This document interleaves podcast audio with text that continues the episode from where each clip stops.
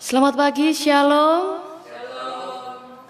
Hari ini tanggal 28 Maret 2021 kita bersama-sama beribadah kepada Tuhan karena hanya Tuhan yaitu Yesus Kristuslah yang patut kita puji, sembah dan muliakan. Dialah yang memberikan kepada kita kasihnya sehingga kita pun merasakan anugerahnya yang begitu besar secara khusus pengorbanannya di kayu salib sehingga kita mendapatkan pengampunan dosa dan kehidupan kekal yang telah ia janjikan bagi kita semua. Amin. Mari kita satukan hati kita untuk menyembah dia Yesus Kristus melalui pujian penyembahan satu hal yang kurindu. Satu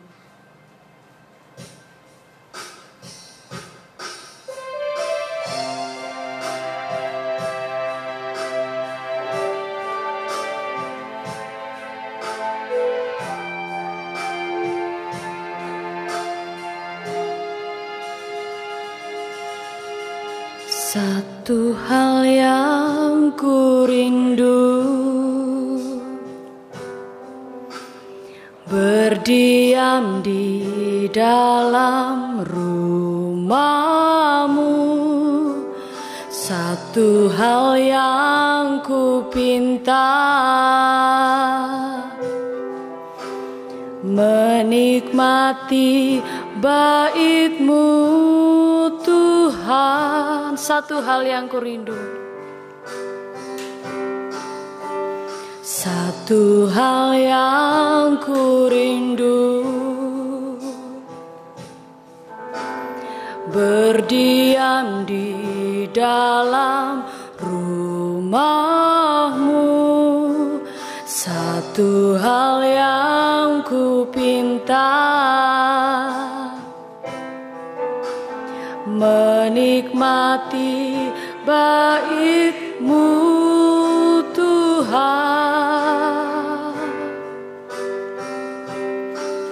Lebih baik satu hari di pelataranmu daripada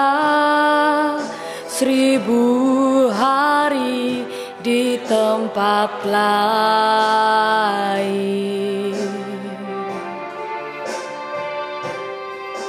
Memujimu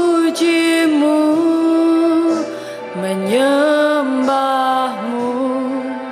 Kau Allah yang hidup dan menikmati semua kemurahanmu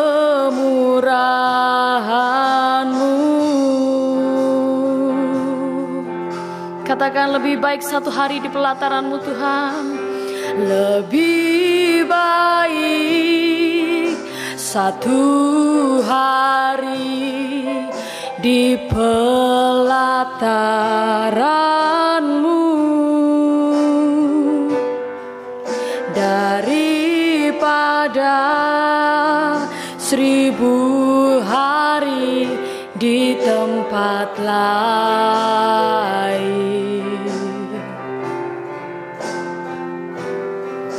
memujimu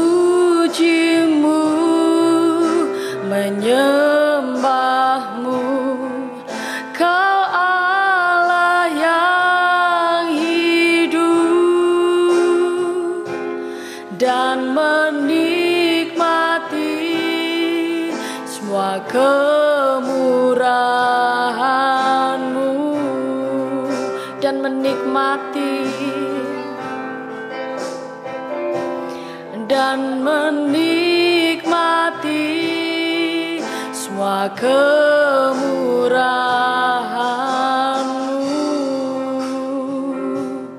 kepada Bapak Pendeta Ciftari dipersilakan untuk memimpin ibadah di dalam doa.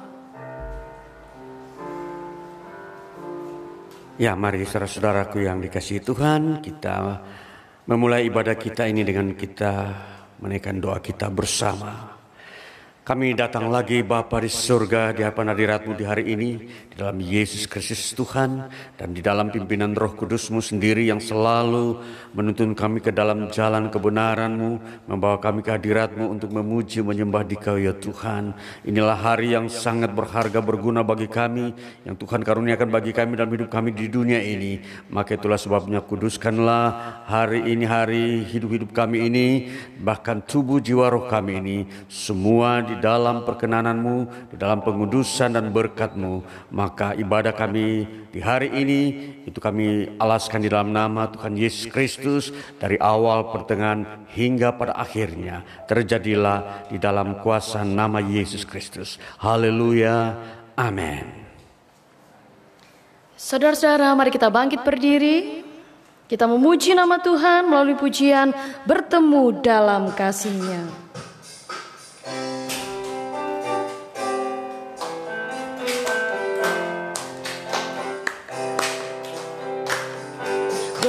Bertemu dalam kasihnya Berkumpul dalam anugerahnya Bersuka cita semua. Di dalam rumah Tuhan berkumpul bertemu dalam kasihnya berkumpul dalam anugerahnya bersuka cita semua di dalam rumah Tuhan. Oh saudaraku dan saudariku Tuhan cinta dan mengasihimu. Mari bersuka cita semua di dalam rumah Tuhan. Sekali lagi kita naikkan pujian ini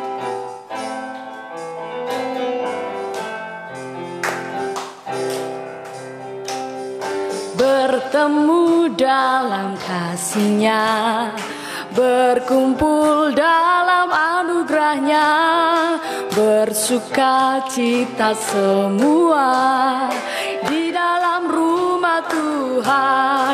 Oh saudaraku dan saudariku Tuhan cinta dan mengasihimu Mari bersuka cita semua di dalam rumah Tuhan.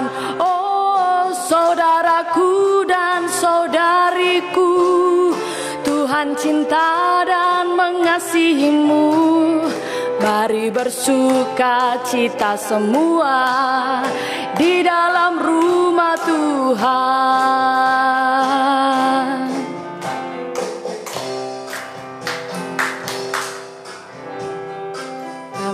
Masih tetap dalam posisi berdiri, kita memuji Tuhan. Sebab besar dan perkasa Allah kita, dahsyatnya kuasanya bagi kita. Amin. Puji dia sang raja, besar dan perkasa Allah kita.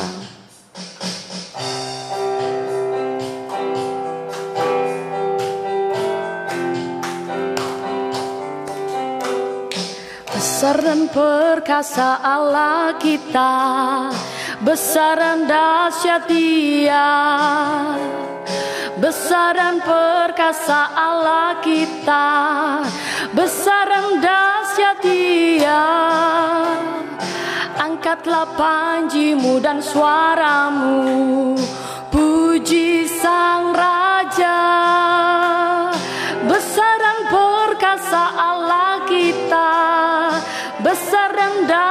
dia Besar Besar dan perkasa Allah kita. Besar dan dahsyat dia. Besar dan perkasa Allah kita. Besar dan dahsyat dia. Angkatlah panjimu dan suaramu. Puji sang raja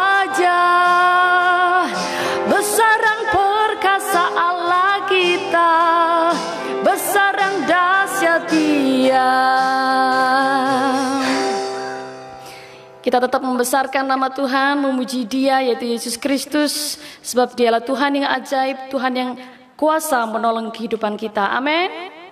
Besarkan nama Tuhan, pujilah Dia.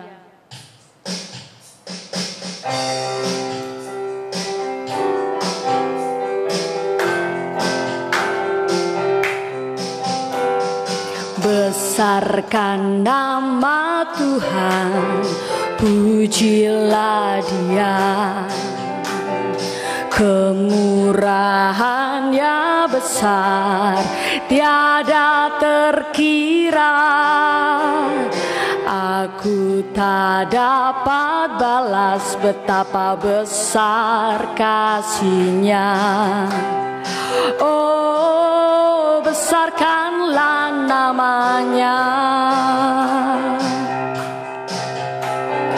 Tuhan yang ajaib, Tuhan yang kuasa, Tuhan yang menolong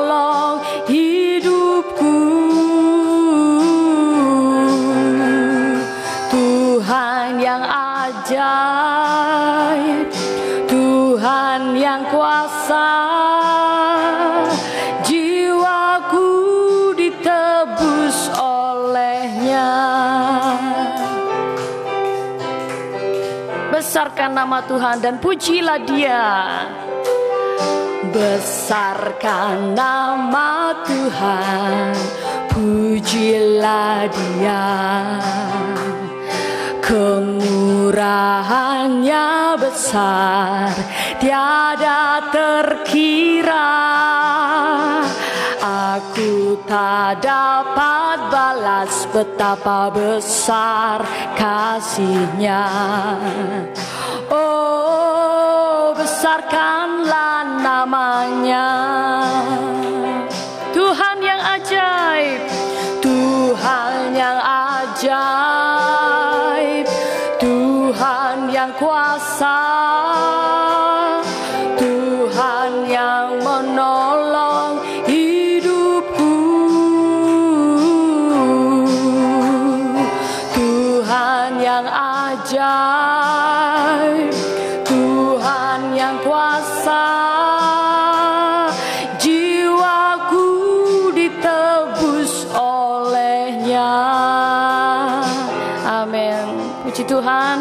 Saudara-saudara dipersilakan untuk duduk kembali. Tiba waktunya mari kita bersama-sama membaca kitab Yesaya pasal 30 ayat 1 hingga 33.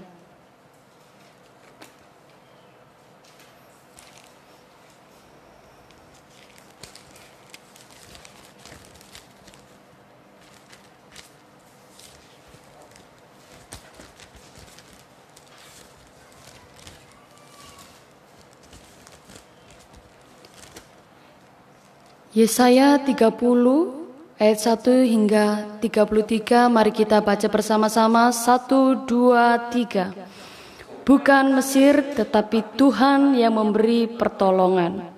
Celakalah anak-anak pemberontak. Demikianlah firman Tuhan yang melaksanakan suatu rancangan yang bukan daripadaku yang memasuki suatu persekutuan yang bukan oleh dorongan rohku sehingga dosa mereka bertambah-tambah yang berangkat ke Mesir dengan tidak meminta keputusanku untuk berlindung pada Fir'aun dan untuk berteduh di bawah naungan Mesir. Tetapi perlindungan Fir'aun akan memalukan kamu dan perteduhan di bawah naungan Mesir akan menodai kamu.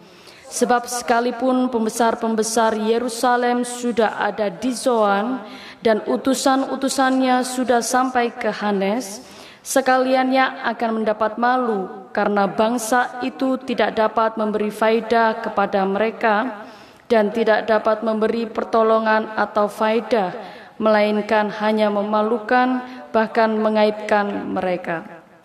Ucapan ilahi tentang binatang-binatang di tanah Negeb melalui suatu negeri yang penuh kesesakan dan kesempitan, tempat singa betina dan singa jantan yang mengaum, tempat ular beludak dan ular naga terbang, mereka mengangkut harta kekayaan mereka di atas punggung keledai dan barang-barang perbendaharaan mereka di atas ponok unta kepada suatu bangsa yang tidak dapat memberi faidah, yakni Mesir yang memberi pertolongan yang tak berguna dan percuma.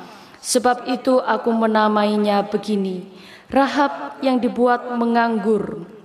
Maka sekarang pergilah, tulislah itu di depan mata mereka di suatu loh dan cantumkanlah di suatu kitab supaya itu menjadi kesaksian untuk waktu yang kemudian sampai selama-lamanya.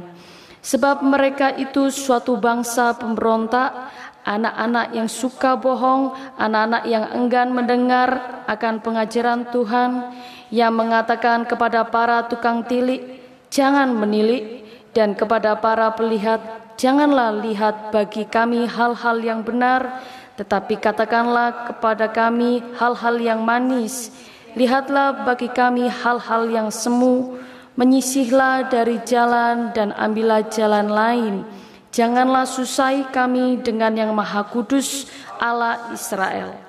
Sebab itu beginilah firman yang maha kudus Allah Israel oleh karena kamu menolak firman ini dan mempercayakan diri kepada orang-orang pemeras dan yang berlaku serong dan bersandar kepadanya, maka sebab itu bagimu dosa ini akan seperti pecahan tembok yang mau jatuh, tersembul keluar pada tembok yang tinggi, yang kehancurannya datang dengan tiba-tiba dalam sekejap mata.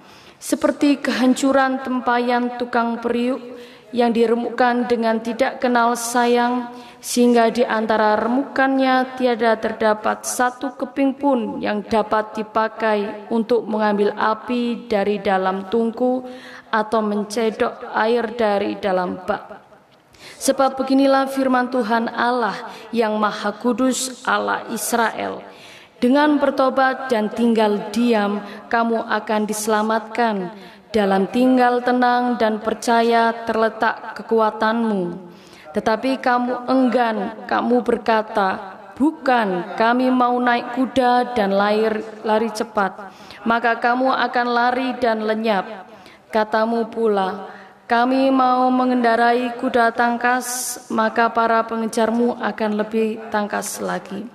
Seribu orang akan lari melihat ancaman satu orang, terhadap ancaman lima orang kamu akan lari, sampai kamu ditinggalkan seperti tonggak isyarat di atas puncak gunung dan seperti panci-panci di atas bukit. Janji keselamatan bagi Sion. Sebab itu Tuhan menanti-nantikan saatnya hendak menunjukkan kasihnya kepada kamu Sebab itu ia bangkit hendak menyayangi kamu. Sebab Tuhan adalah Allah yang adil. Berbahagialah semua orang yang menanti-nantikan dia. Sungguh, hai bangsa di Sion yang diam di Yerusalem, engkau tidak akan terus menangis. Tentulah Tuhan akan mengasihani engkau apabila engkau berseru-seru pada saat ia mendengar teriakmu, ia akan menjawab. Dan walaupun Tuhan memberi kamu roti dan air serba sedikit, namun pengajarmu tidak akan menyembunyikan diri lagi, tetapi matamu akan terus melihat dia, dan telingamu akan mendengar perkataan ini dari belakangmu. Inilah jalan, berjalanlah mengikutinya, entah kamu menganan atau mengiri. Engkau akan menganggap najis patung-patungmu yang disalut dengan perak atau yang dilapis dengan emas. Engkau akan membuangnya seperti kain cemar sambil berkata kepadanya, "Keluar!" Lalu Tuhan akan memberi hujan bagi benih yang baru kamu taburkan di ladangmu. Dan dari hasil tanah itu kamu akan makan roti yang lezat dan berlimpah-limpah. Pada waktu itu ternakmu akan makan rumput di padang rumput yang luas. Sapi-sapi dan keledai-keledai yang mengerjakan tanah akan memakan makanan campuran yang sedap yang sudah ditampi dan diayak. Dari setiap gunung yang tinggi dan dari setiap bukit yang menjulang akan memancar sungai-sungai pada hari pembunuhan yang besar apabila menara-menara runtuh maka terang bulan purnama akan seperti terang matahari terik dan terang matahari terik akan tujuh kali ganda, yaitu seperti terangnya tujuh hari pada waktu Tuhan membalut luka umatnya dan menyembuhkan bekas pukulan. Hukuman Allah atas Asyur. Tuhan datang menyatakan dirinya dari tempatnya yang jauh, murkanya menyala-nyala, ia datang dalam awan gelap yang bergumpal-gumpal, bibirnya penuh dengan amarah dan lidahnya seperti api yang memakan habis. Hembusan nafasnya seperti sungai yang menghanyutkan, yang airnya sampai ke leher. Ia datang untuk mengayak bangsa-bangsa dengan ayak kebinasaan dan untuk memasang suatu kekang yang mesatkan di mulut suku-suku bangsa. Kamu akan menyanyikan suatu nyanyian seperti pada waktu malam ketika orang menguduskan diri untuk perayaan dan kamu akan bersuka hati seperti pada waktu orang berjalan diiringi suling hendak naik ke gunung Tuhan, ke gunung batu Israel. Dan Tuhan akan memperdengarkan suaranya yang mulia, akan memperlihatkan tangannya yang turun menimpa dengan murka yang hebat dan nyala api yang memakan habis dengan hujan lebat, angin ribut, dan hujan batu. Sebab Asyur akan terkejut oleh suara Tuhan pada waktu ia memukul mereka dengan gada Sebab setiap pukulan dengan tongkat penghajar yang ditimpakan Tuhan ke atasnya akan diiringi rebana dan kecapi dan ia akan berperang melawan Asyur dengan tangan yang diayunkan untuk peperangan. Sebab dari dahulu sudah diatur tempat pembakaran, bukankah itu untuk raja dasarnya dibuat dalam dan lapang, pencakannya penuh api dan kayu, nafas Tuhan menghanguskannya seperti sungai belerang. Demikian pembacaan kitab Yesaya. Selanjutnya bagi saudara-saudara yang ingin memberikan kesaksian, dipersilakan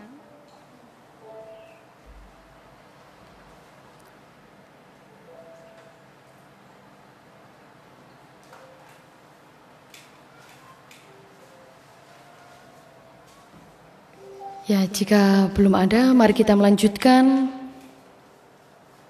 pada pujian untuk menyambut firman Tuhan melalui pujian penyembahan sejauh timur dari barat engkau membuang dosaku.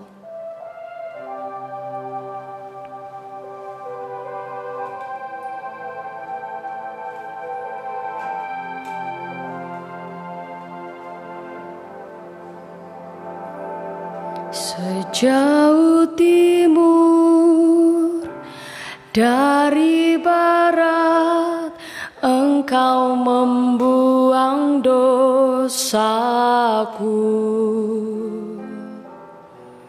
Tiada kau ingat lagi pelanggaranku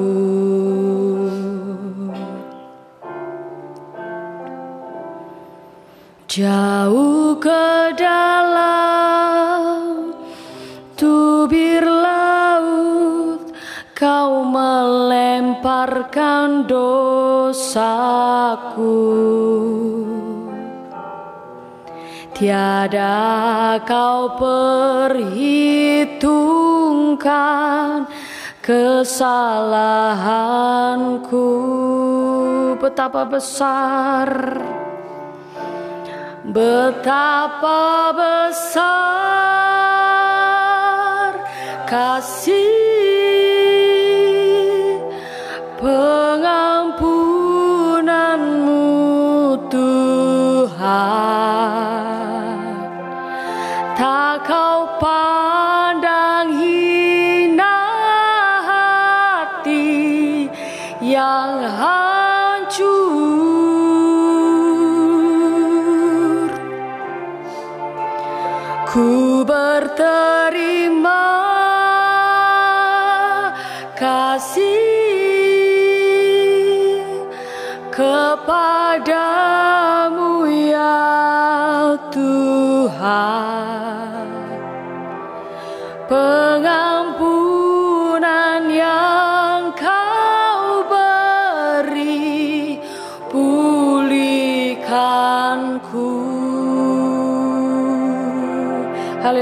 Haleluya, kita naikkan pujian ini.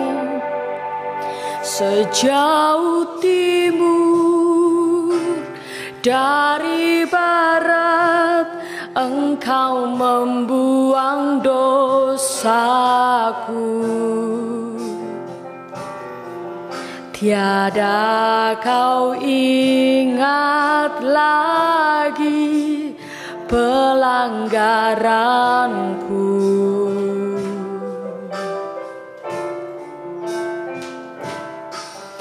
Jauh ke dalam tubir laut kau melemparkan dosaku. Tiada kau perhitungkan kesalahanku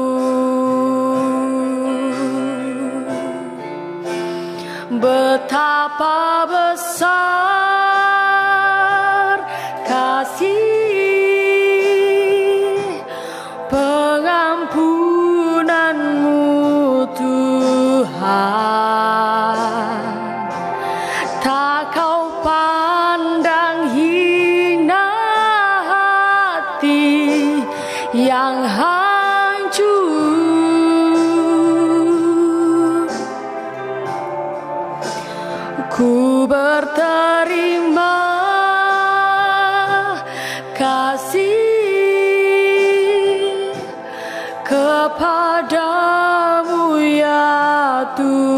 Tuhan.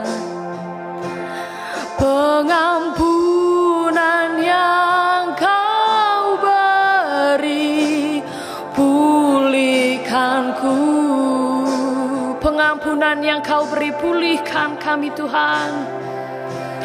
Pengampunan yang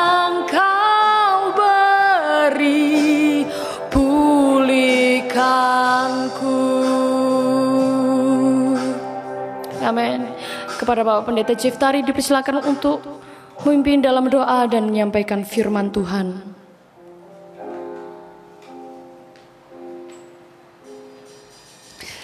Ya baik Jemaat Tuhan yang dikasihi Mari kita merendahkan hati di hadapan Tuhan kita Untuk mendengarkan firman-Nya Bapa kami di surga, terpujilah namamu dalam Yesus Kristus Tuhan dan roh kudus yang penuh kasih dan kuasa terhadap kami umatmu di siang hari ini.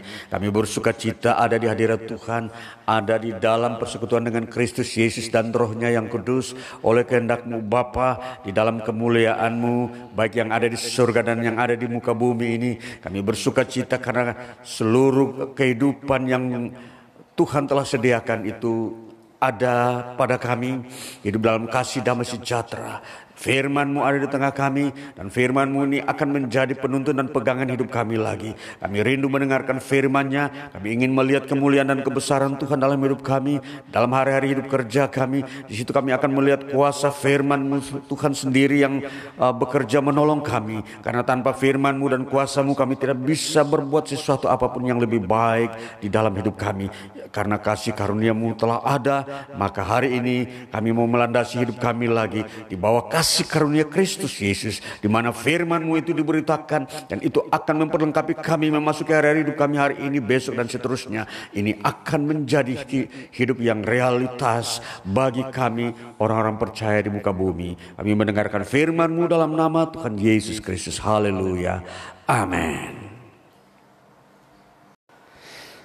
Ya, kita akan membuka firman Tuhan dari kitab Kolose pasal yang kedua. Mari kita membuka Alkitab dari kitab Kolose pasal yang kedua ayat yang ke-20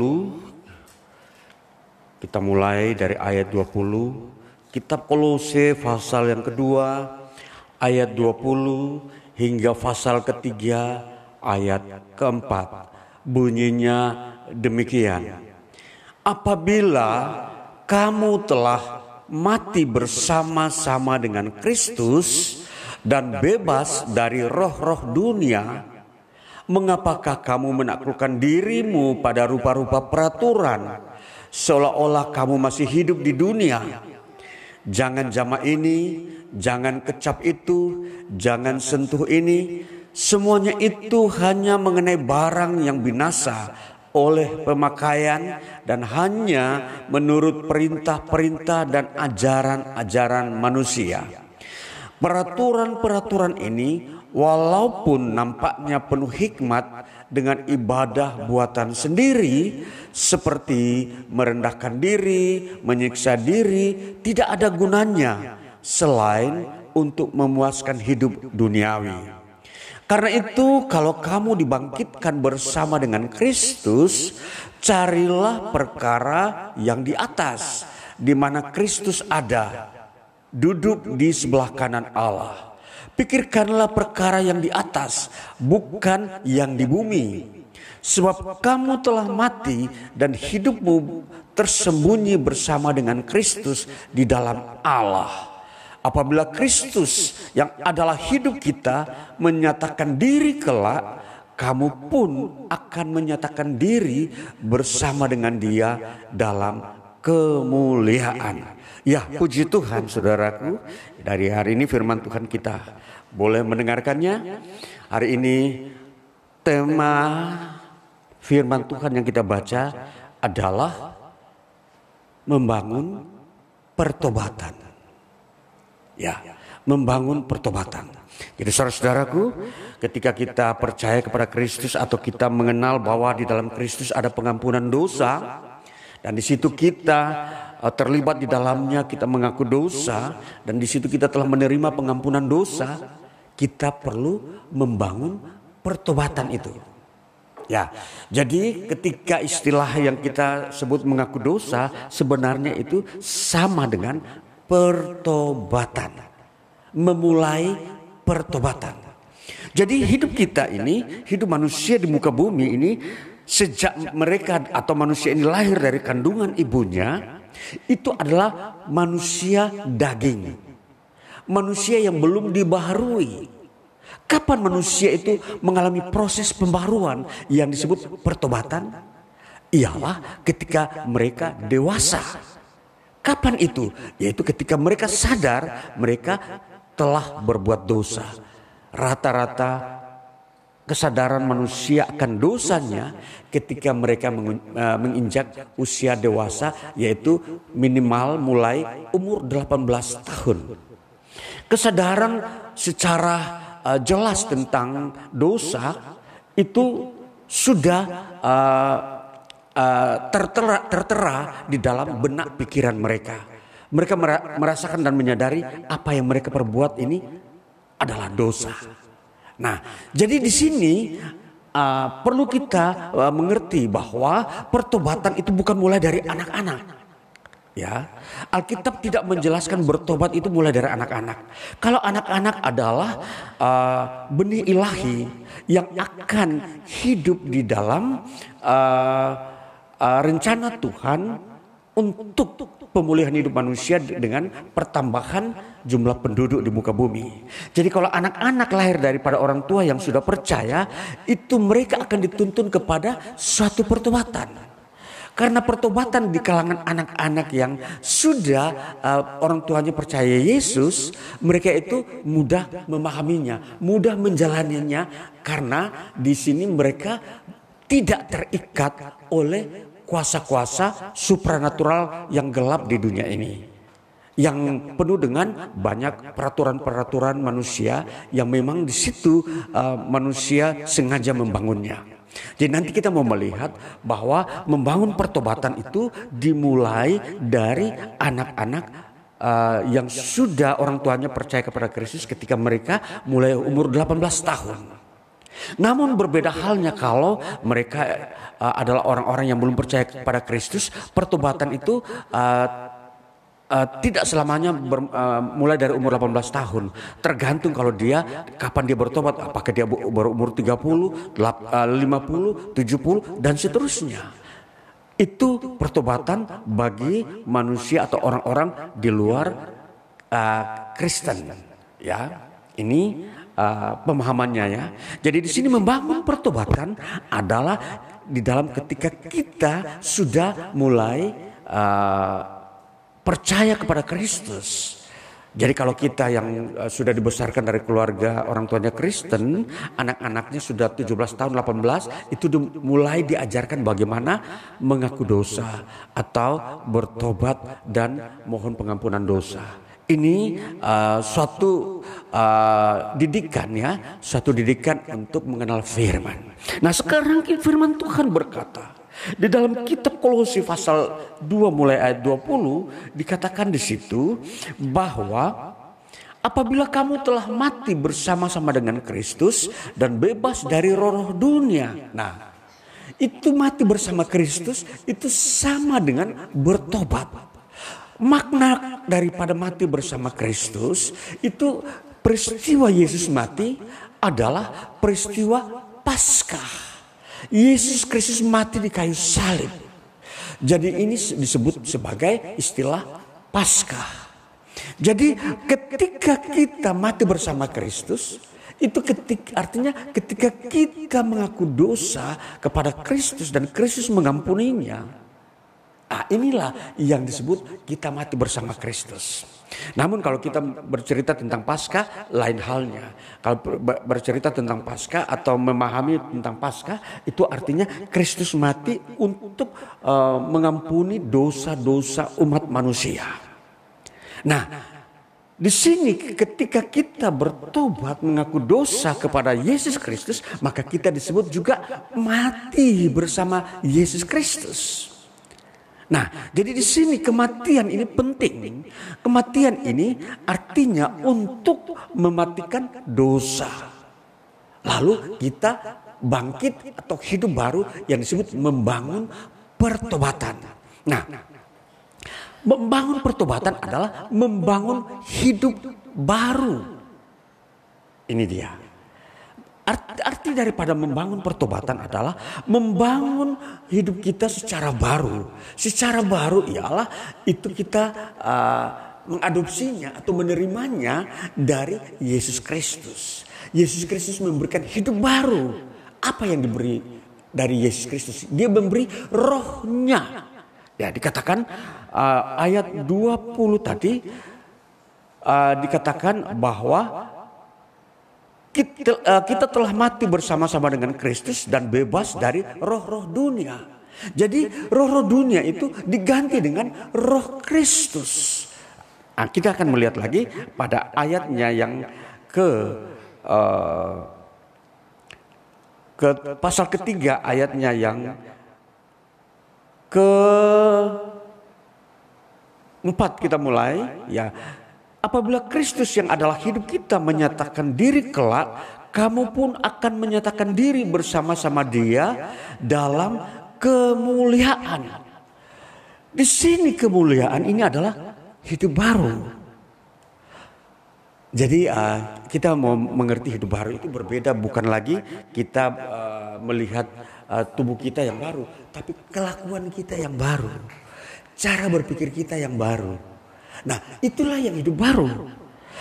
Apa yang kita mau lihat di dalam kemuliaan hidup kita? Hidup baru di sini memang uh, ini kita terima dari Kristus. Jadi kita mendapatkan hidup baru ini bukan karena kita uh, membangunnya berdasarkan pikiran kita, tapi kita selalu datang kepada Kristus. Baru Kristus memberi kita, memberikan kepada kita hidupnya, yaitu hidup yang dimiliki oleh Kristus. Dan itu disebut hidup baru. Kenapa? Karena kita sebelumnya tidak memilikinya. Jadi hidup baru inilah Kristus memberikannya kepada kita. Jadi dalam suatu uh, uh, apa namanya, suatu uh, konsep membangun hidup baru ini, itu kita harus memulainya dengan persekutuan dengan Kristus. Tidak bisa tidak. Kita untuk mendapatkan hidup baru, kita tidak boleh jauh dari Kristus. Nah, jadi apa rumusan atau apa makna daripada kita tidak boleh jauh daripada Kristus? Rumusannya adalah kita harus selalu berdoa dan membaca firman-Nya. Nah, inilah yang disebut selalu uh, bersekutu atau dekat dengan Kristus. Nah pada posisi atau pada kondisi di mana kita selalu berdoa dan mendengarkan firman-Nya, di situ Kristus memberikan pribadinya atau karakternya ya ini uh, pengertian pribadi adalah karakternya yang yang memang di situ rohnya roh kudusnya itu ada di dalamnya jadi kalau saya bisa merendahkan hati, saya bisa sabar, saya bisa menguasai diri, saya bisa uh, uh, suka menolong, saya bisa mengampuni sesama, itu bukan karena itu bukan milik saya. Itu pemberian dari Kristus melalui rohnya dan masuk kepada saya dan saya menerima itu. Dan inilah menjadi hidup baru. Nah itulah sebabnya membangun hidup baru bukan uh, dengan cara kita uh, belajar karakternya. Tapi kita datang kepada sumbernya. Yaitu apa? Pribadinya yaitu Kristus. Jadi contoh begini. Kalau saya ini uh, orang berkata saya ini orang yang suka menolong orang lain. Contoh kalau ada orang uh, membutuhkan untuk rumahnya diperbaiki. Saya itu dipanggil, oh, tolong uh, perbaiki uh, rumah saya ini supaya tidak bocor ya gitu. Saya datang. Nah, untuk orang bisa seperti saya yang bisa menolong orang lain, tidak tidak hanya sekedar mengenal nama saya. Tidak hanya uh, mendengar informasi bahwa saya itu suka menolong. Tidak sebatas itu. Orang tidak bisa uh, mengalami perubahan hidup seperti seperti yang saya alami suka menolong kalau misalkan dia hanya mau mendengar nama saya saja. Dia harus datang dekat dengan saya, dia harus bercerita, berkomunikasi. Eh, bagaimana sih kamu bisa memiliki pribadi yang suka menolong? Lalu saya bilang begini, Ya, uh, saya uh, uh, kebiasaan suka menolong karena saya juga sadar bahwa suatu waktu saya ini membutuhkan orang lain menolong saya. Nah, itulah kemungkinan saya jawab seperti itu. Nah, jadi dia mendapat jawaban langsung dari mulut saya. Nah, jadi di sini ilustrasi ini, ini adalah ilustrasi. Bukan sesuatu yang harus ketetapan seperti itu. Ini itu ilustrasi tentang bagaimana kita datang kepada Tuhan. Kita datang kepada Kristus itu Ketika kita berdoa meminta segala yang kita butuhkan, apa saja yang kita butuhkan di dunia ini dalam kehidupan kita, yang kita minta, kita selalu rajin datang berdoa meminta, kita minta kesembuhan, kita minta kekuatan, kita meminta kepandaian, kita meminta hikmat, kita meminta uh, perubahan ekonomi. Kita kan pasti berdoa. Nah, di dalam proses berdoa itulah kita itu sebenarnya sedang bertanya atau berbicara dengan Tuhan Yesus Kristus. Maka dari situlah ketika kita meminta sesuatu Tuhan Yesus bilang begini. Di dalam isi permintaanmu itu, itu akan membangun pribadimu. Akan membuat dirimu itu uh, mengerti pemberian Tuhan. Maka kamu akan berhati-hati memelihara pemberian Tuhan. Ini karakter di dalam ketika kita meminta sesuatu. Itu akan terjadi bahwa pribadi kita menjadi pribadi yang uh, uh, suka memelihara barang-barang yang uh, Tuhan beri kepada kita. Kita uh, tidak sembrono atau kita tidak membiarkan barang-barang itu uh, lenyap atau hancur. Nah ini uh, pengertian daripada ketika kita menerima pribadi atau karakter dari Tuhan. Nah, lain halnya kalau kita berdoa begini, Tuhan, saya ini kok uh, orangnya rodok lamban, agak agak lamban. Saya ingin orang yang menjadi pribadi yang cekatan. Ah. Ini bisa pun kita berdoa memintanya. Jadi soal-soal uh, karakter kita atau kita kepingin pribadi kita itu maju berprestasi uh, itu dari doa. Dan doa inilah nanti Tuhan memberikan rohnya lalu terciptalah karakter yang apa yang kita inginkan. Seorang yang cekatan, yang uh, dapat gampang memahami hal-hal yang sukar dipahami. Ini adalah satu pemberian Tuhan. Jadi di sini hal-hal untuk kita mengerti hal-hal supranatural itu bukan keahlian uh, atau kecerdasan uh, uh, apa namanya IQ kita, intelijensia kita bukan untuk memahami tentang hal-hal surgawi. Itu pemberian Tuhan. Nah, itulah sebabnya di sini kita melihat kita perlu membangun pertobatan itu dengan melalui persekutuan dengan Kristus. Nah, saudara-saudaraku yang terkasih, di sini ada hal yang paling menarik yang kita harus pahami ya tentang membangun pertobatan. Dulu manusia kita atau katakanlah uh, pada umumnya manusia yang belum uh, memahami tentang karakter-karakter uh, dosa, dosa itu yang disebut batasan dosa itu yang mana? Seringkali kita itu manusia kita dulunya itu terjebak dengan berbagai-bagai aturan manusia. Contoh, pada ayatnya yang yang ke 21 dikatakanlah Jangan jamah ini, jangan kecap itu, jangan sentuh ini. Semuanya itu hanya mengenai barang yang binasa oleh pemakaian dan hanya menurut perintah-perintah dan ajaran-ajaran manusia. Ayat 23. Peraturan-peraturan ini walaupun nampaknya penuh hikmat dengan ibadah buatan sendiri seperti merendahkan diri, menyiksa diri, tidak ada gunanya selain untuk memuaskan hidup duniawi. Ini. Jadi di sini sering kali ada orang uh, uh, menganggap ini tidak tidak berhubungan dengan dosa. Contoh ada orang berkata begini. Kita ini manusia ini tidak boleh uh, makan binatang yang atau makanan daging-daging, daging-daging yang memang uh, uh, apa istilahnya daging ini uh, sepertinya tidak berguna bagi tubuh manusia karena daging itu uh, tidak diciptakan untuk dimakan. Nah, ini pemahaman-pemahaman uh, orang-orang yang mempunyai uh, pandangan bahwa manusia hidup hanya makan sayur-sayuran. Ya, uh, orang-orang vegetable ya, uh, orang-orang apa? Veget vegetasi, vegetarian, orang-orang vegetarian ya, ya. Uh, ini orang-orang ini tidak mau makan daging.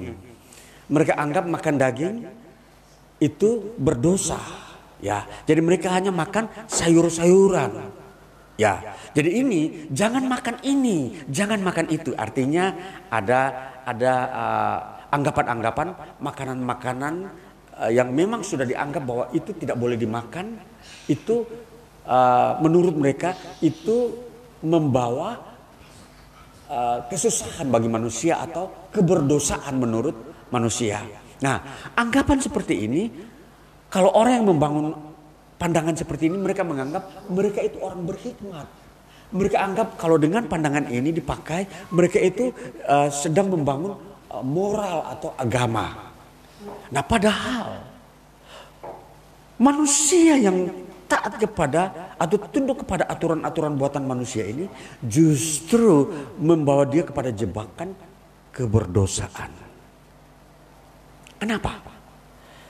Karena apa yang dibuat manusia bahwa itu suci itu bukanlah perintah Tuhan, bukanlah perintah Allah. Itu buatan manusia. Sehingga kalau kita mau melihat pandangan ini, orang yang tunduk kepada pandangan ini justru mereka menciptakan dosa di dalam dirinya sendiri. Lalu yang kedua, jangan sentuh ini, jangan sentuh itu. Ya kalau kita mau melihat di berbagai-bagai uh, generasi-generasi atau negara-negara ada beberapa benda-benda uh, yang memang dianggap benda itu uh, memiliki kultus ya atau suci ya.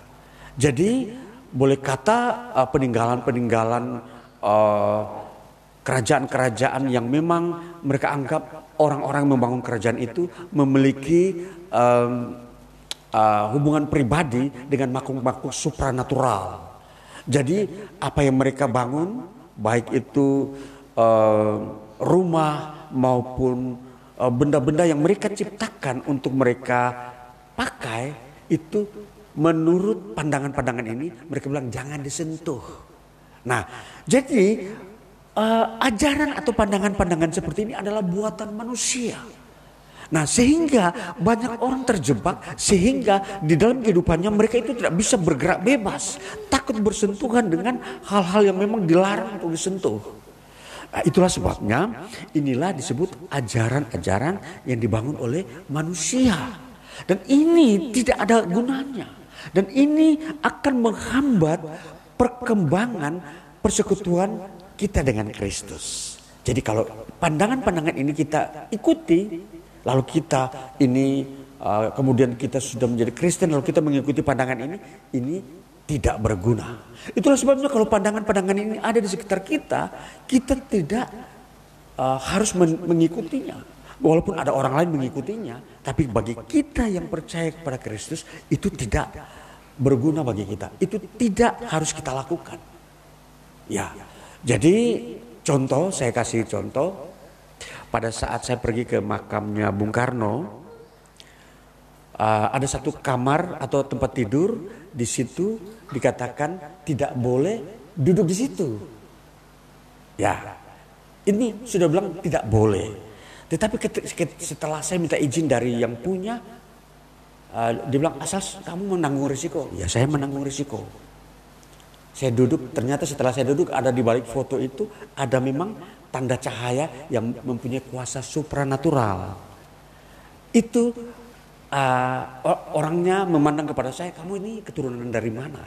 Kamu ini siapa? Saya bilang saya ini hamba Tuhan. Jadi tidak mempunyai efek.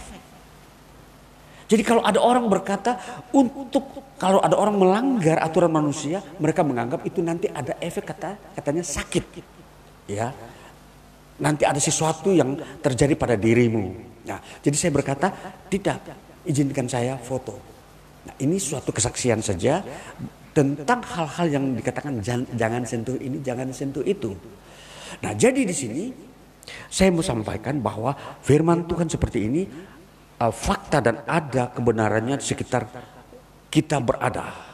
Di tengah-tengah bangsa kita tentunya ada uh, orang-orang menganggap suatu lokasi itu keramat, suatu tempat itu tidak boleh didatangi karena itu keramat. Ya, itu istilah keramat ya. Ya, banyak ada di Ambon, ya ada juga di tempat-tempat lain yang masih pedalaman yang memang ada orang anggap situ tempat-tempat untuk orang uh, bertapa ya uh, untuk bersemedi dan uh, apa namanya bersekutu dengan uh, makhluk-makhluk uh, supranatural. Nah, ini yang dimaksudkan di sini. Jadi saya mau sampaikan di sini, membangun pertobatan kita itu membangun persekutuan dengan Kristus. Itu sudah cukup. Di dalam iman kepada Kristus, kita tidak boleh ditambahkan dengan peraturan-peraturan manusia.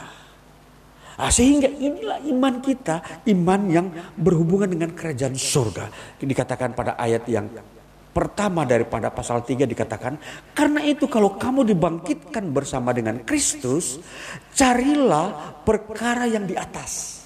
Nah, ini perkara yang di atas adalah perkara yang di surga, perkara yang sempurna, perkara yang memenuhi hidup manusia dengan kebenaran perkara yang hanya firman Allah saja yang yang harus ditaati, bukan aturan manusia. Nah, inilah yang dimaksudkan bahwa membangun pertobatan adalah membangun pribadi kita uh, di atas dasar kebenaran firman Tuhan. Tidak bisa ditambahkan.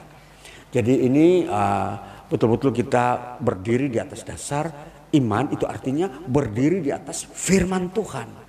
Tidak ada uh, peraturan-peraturan manusia yang manusia buat untuk kita uh, lakukan atau kita uh, tunduk kepadanya.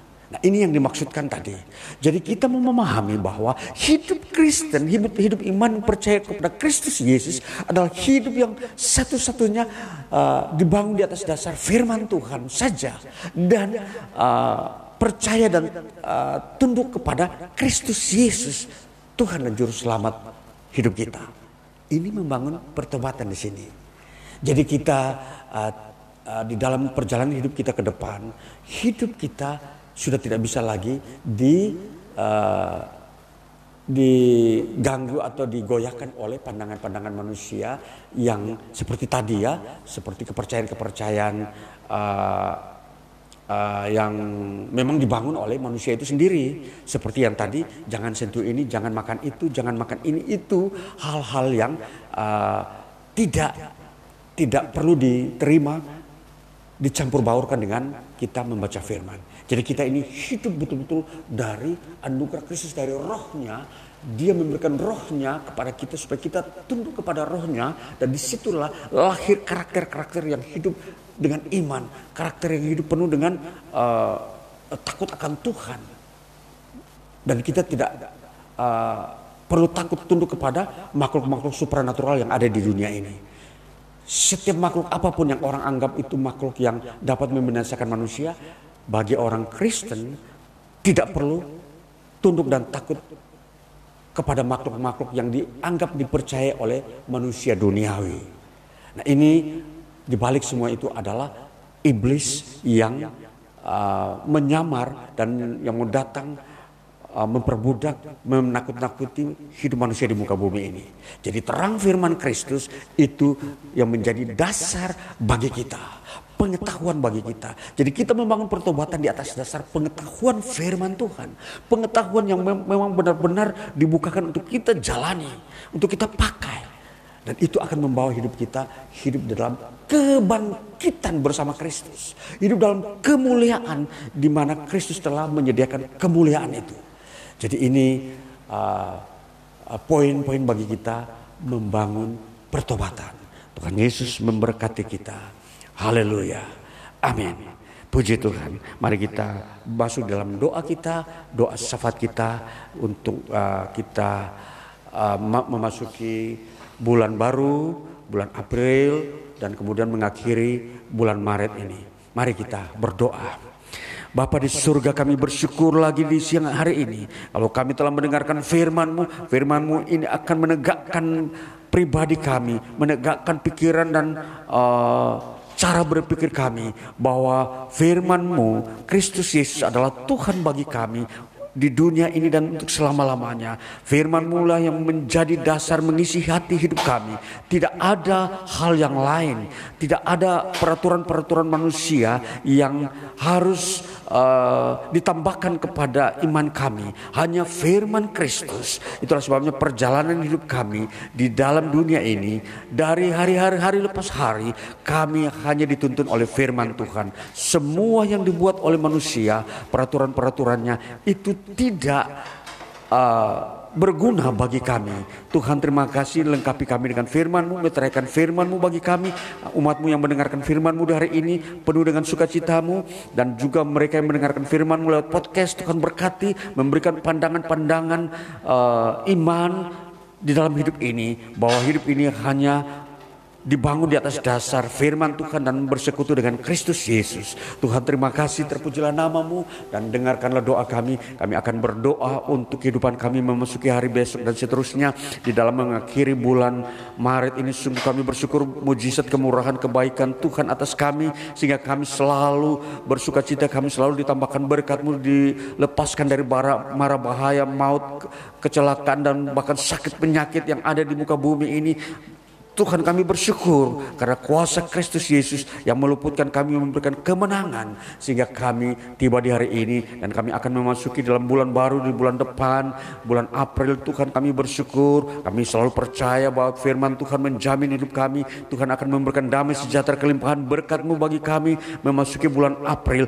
dengan penuh mujizat kuasa dari Kristus Yesus dari surga turun memenuhi hidup kami di dunia ini di dalam rumah tangga kami masing-masing di tempat ini rumah tangga Yas Manase dan Yuda dan di rumah tangga kami semua di mana kami berada di pribadi lepas pribadi kami Tuhan menambahkan hikmat menambahkan iman menambahkan kekuatan baru perlindungan-perlindungan memberkati semua jeripaya apa yang kami kerjakan dengan tangan kami apa yang kami rindukan dalam hati kami pikiran kami yang cita yang kami cita-citakan Tuhan memberkati. Dan engkau bukakan jalan-jalanmu bukakan itu dan sediakan segala keperluan-keperluan hidup kami sehingga kami tiada kekurangan di muka bumi ini. Terima kasih Bapak anugerahmu, kasih setia Tuhan dan Tuhan memberkati setiap pelayanan kami, memberkati pemberitaan firman, memberkati juga lingkungan di mana kami berada supaya banyak orang pun mengalami uh, pemulihan-pemulihan hidup. Banyak orang juga yang membutuhkan pembaruan hidup. Masih banyak orang ingin ingin mendengar dan ingin mengalami kuasa Kristus Yesus dalam hidup mereka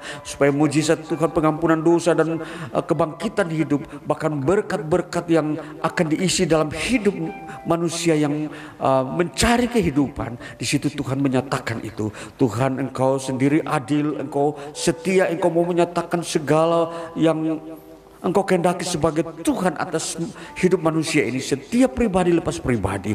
Tuhan Yesus terima kasih. Kami berdoa untuk uh, bangsa dan negara kami. Tuhan memberkati sehingga perjalanan bangsa ini selalu juga dalam keadaan uh, baik, dalam keadaan uh, tiada mengalami hambatan-hambatan kemajuan dan hidup masyarakatnya juga semakin lebih baik dalam adil dan takut akan Tuhan. Semua ini berjalan bertumbuh sesuai dengan kehendak Tuhan tentang kehidupan umat manusia di muka bumi. Berkati gereja-gereja Tuhan yang selalu memerindukan akan pembaharuan hidup. Berkati umatmu saat ini sehidup, uh, seutuhnya sehingga kami masuk penuh dengan berkat Tuhan hari ini, besok dan seterusnya. Terpujilah Bapa Tuhan Yesus dan Roh Kudus dalam kasihmu, dalam kuasamu yang besar. Kami mengucap syukur dan berkati semua kami di tempat di mana Tuhan tempatkan kami bekerja, di kantor, di ladang, bahkan di rumah, di studi. Tuhan memberkati semua seisi rumah kami. Tuhan sediakan berkat-berkatmu. Kami menyerahkan tubuh jiwa roh kami, kuduskan kami dalam Kristus Yesus. Dan kami menerima firmanmu seutuhnya hari ini terus sampai selama-lamanya. Dan turunlah anugerah Tuhan dari surga atas kami kasih karunia dalam Yesus Kristus dan persekutuan dengan Roh Kudus menyertai kami hari ini. Terus sampai selama-lamanya dan kami berdoa sesuai dengan apa yang Tuhan ajarkan kepada kami. Bapa kami yang di surga dikuduskanlah namamu datanglah kerajaanmu jadilah kehendakmu di bumi seperti di surga. Berikanlah kami pada hari ini makanan kami yang secukupnya dan ampunilah kami akan kesalahan kami seperti kami juga mengampuni orang yang bersalah kepada kami.